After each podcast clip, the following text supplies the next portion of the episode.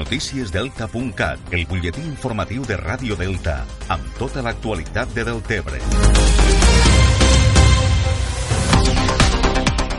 Un front comú dels ajuntaments del territori i mobilitzacions. Estes són les accions que es preveuen emprendre a les Terres de l'Ebre per fer front a la resolució aprovada el passat dijous al Parlament de Catalunya i que insta la Generalitat a prohibir els actes taurins a Catalunya. La primera acció de rebuig a la decisió del Parlament va tindre lloc este dissabte a Deltebre, concretament dissabte i aprofitant la celebració del Bou Capllaçat que es va fer en motiu de les festes de Sant Miquel de la Cava.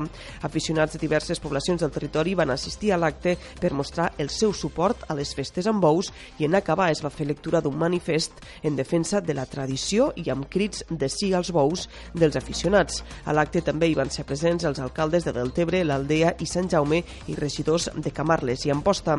Des de l'agrupació de penyes taurines de les Terres de l'Ebre, el seu vicepresident, Ximó Martí, ha lamentat que els partits donessin llibertat de vot als diputats i alerta que estan disposats a emprendre tot tipus d'accions per defensar les festes amb bous. El que la gent no dubte és que ens manifestarem, sortirem al carrer, eh, boicotejarem actes si fa falta, vull dir, tallarem carreteres, farem tot el que faci falta per, per, per demostrar pues, que, que som un territori unit, però sobretot el més important és que volem fer pedagogia, volem explicar a la gent que encara no ho ha entès i que encara no ho ha volgut entendre que és la nostra festa i explicar-la des de la nostra vessant, que és totalment diferent a la vessant de que algunes persones pues, volen, volen fer veure. No? A nosaltres particularment no ens val que aquí diguem que sí i allà diguem que no. Per tant, nosaltres el que volem és unitat de partit a favor de la festa dels bous. Els alcaldes, per la seva banda, han lamentat que en la votació al Parlament no es va tindre en compte el territori i que la decisió s'ha pres obviant que les festes amb bous són una tradició molt arrelada a les Terres de l'Ebre. Els alcaldes preveuen iniciar accions per emprendre un front comú institucional contra la resolució del Parlament de Catalunya. L'Ajuntament de Deltebre instal·larà punts de càrrega per a vehicles elèctrics en diferents punts del municipi, una actuació que reflexarà el pressupost municipal del proper exercici.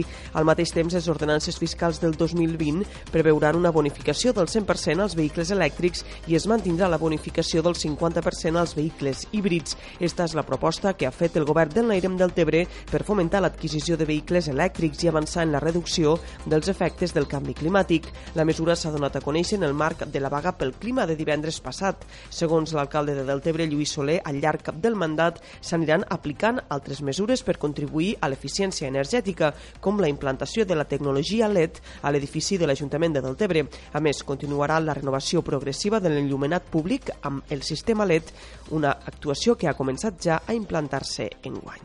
Precisament el passat divendres el Polo Passador va ser l'epicentre de la protesta en motiu de la vaga pel clima que van protagonitzar més de 2.000 alumnes de Deltebre i Sant Jaume. Els estudiants van fer un crit d'alerta davant la situació d'emergència climàtica i van exigir solucions per al Delta, un dels punts febles davant dels efectes del canvi climàtic. La contundència de les dades assenyala com les regions mediterrànies són de les més vulnerables al canvi climàtic.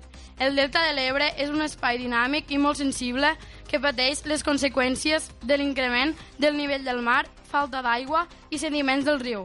Des del Delta de l'Ebre demanem que la nova etapa política es declari de manera immediata l'emergència climàtica i que es prenguin les mesures necessàries.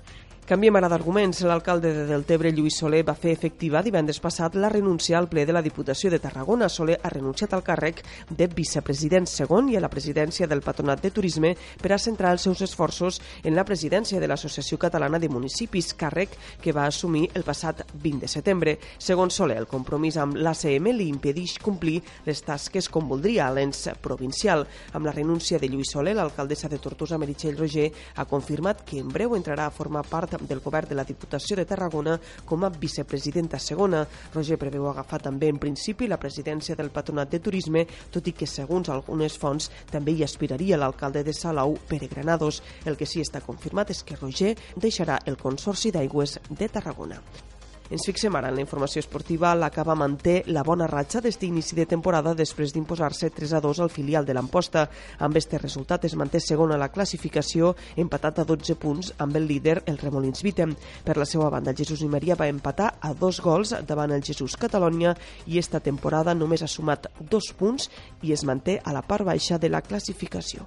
I encara temps per afegir que les festes de Sant Miquel de la Cava han estat este cap de setmana tot un èxit de participació des de la gala parroquial del passat divendres a la nit, el bou capllaçat i el sopar popular de dissabte o la missa o processó d'ahir diumenge. Això és tot per ara. Més notícies al portal deltacat.cat.